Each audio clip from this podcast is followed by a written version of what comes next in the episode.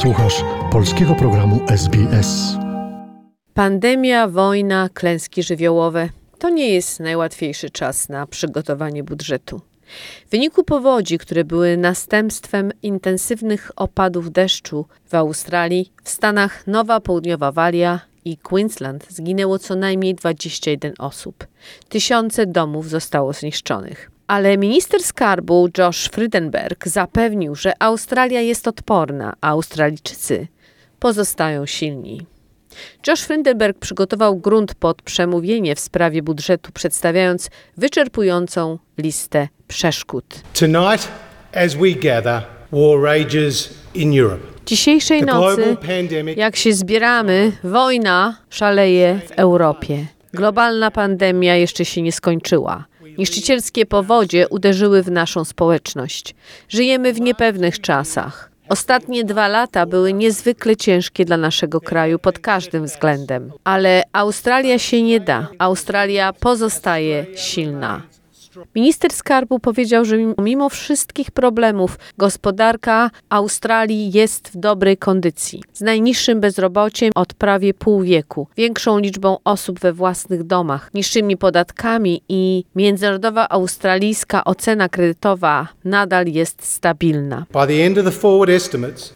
Pod koniec szacunkowych prognoz budżet jest o 100 miliardów dolarów lepszy w porównaniu z ubiegłym rokiem. Więcej ludzi pracuje, mniej ma opiekę społeczną. Naprawiamy budżet bez zwiększenia podatków. Planuje się, że deficyt na lata 2022-2023 wyniesie 78 miliarda dolarów, czyli 3,4% PKB. W ciągu najbliższych trzech lat będzie to ponad połowa do 1,6%. PKB nazywamy również GDP, skrót od Gross Domestic Product.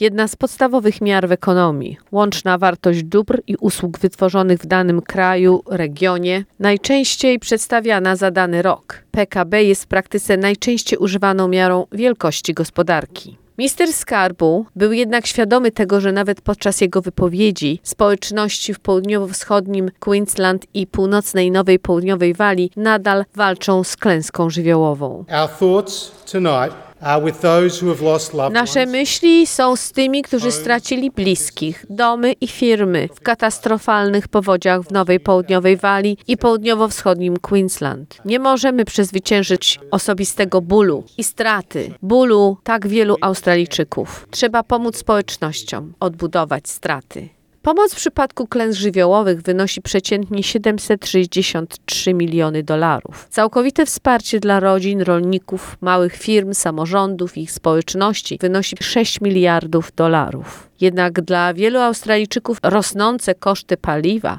choć nie są klęską żywiołową, poważnie obciążają finanse rodzinne. higher fuel, food and shipping costs Wyższe koszty paliwa, żywności i transportu zwiększają inflację i obciążają budżety gospodarstw domowych. Dziś wieczorem rząd Morrisona ogłasza nowy, tymczasowy, ukierunkowany i odpowiedzialny pakiet kosztów utrzymania, aby złagodzić tę presję. Praktyczne środki, które będą miały znaczenie, będą zmniejszone o połowę. Przez następnie 6 miesięcy Australijczycy zaoszczędzą 22 centy na litrze za każdym razem, gdy będą tankować swój samochód.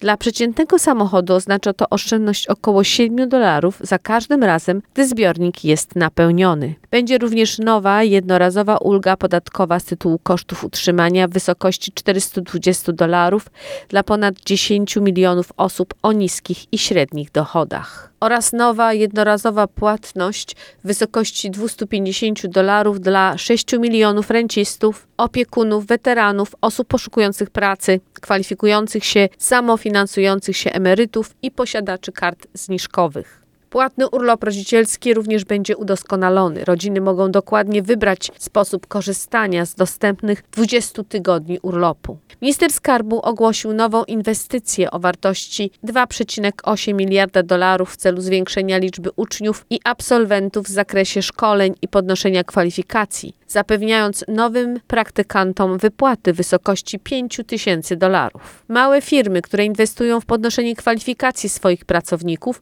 otrzymają również 120 dolarów ulgi podatkowej za każde 100 dolarów wydane na szkolenie. I istnieje podobna ulga podatkowa dla małych firm, które inwestują w technologię cyfrową. From tonight, every hundred dollars these Od tego wieczoru każde digital 100 dolarów wydane przez te małe firmy na technologie cyfrowe, takie jak przetwarzanie w chmurze i fakturowanie, bezpieczeństwo cybernetyczne i projektowanie stron internetowych, otrzyma 120 dolarów odliczenia podatkowego.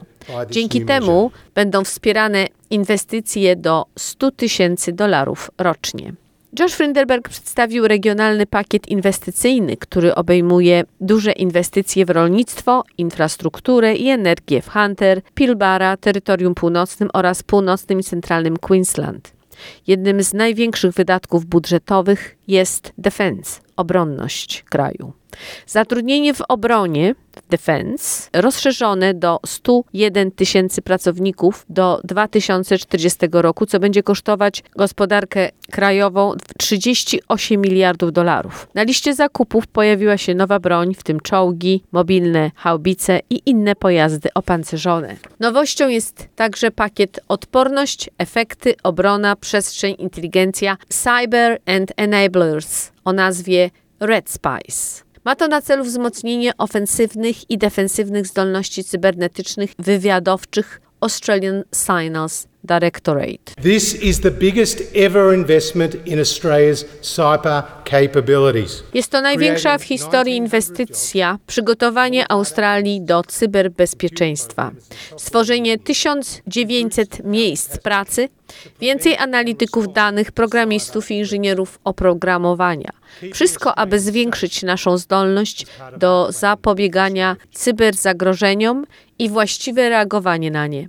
Zapewnienie bezpieczeństwa Australijczykom jest częścią naszego planu umocnienia przyszłości naszego narodu. Minister skarbu twierdzi, że finansowanie przez rząd Morrisona szkół, szpitali, opieki medycznej, zdrowia psychicznego, opieki nad osobami starszymi, bezpieczeństwa kobiet i wsparcia dla osób niepełnosprawnych było niewystarczająco zbalansowane. Pojawia się nowy nacisk na zdrowie psychiczne z pieniędzmi do wydania na zapobieganie samobójstwom. Frydenberg zakończył swoje przemówienie jedynie niewielkim odniesieniem się do nadchodzących wyborów. Powołując się na stwierdzenie rządu, że zostaną spełnione wszystkie obietnice, podkreślił, że to nie czas na zmianę kierunku. This is a time to stick to our plan. Nadszedł czas, aby trzymać się naszego planu. Plan silnej gospodarki i pewnej przyszłości. Dostarczymy ten plan. Materiał Alana Lee z SBS Newsroom przygotowała i czytała Joanna Borkowska-Surucić. Zainteresowało Cię? Chcesz usłyszeć więcej? Słuchaj nas na podcastach dostępnych w Apple Podcast, Google Podcast czy Spotify lub w jakimkolwiek innym, który używasz.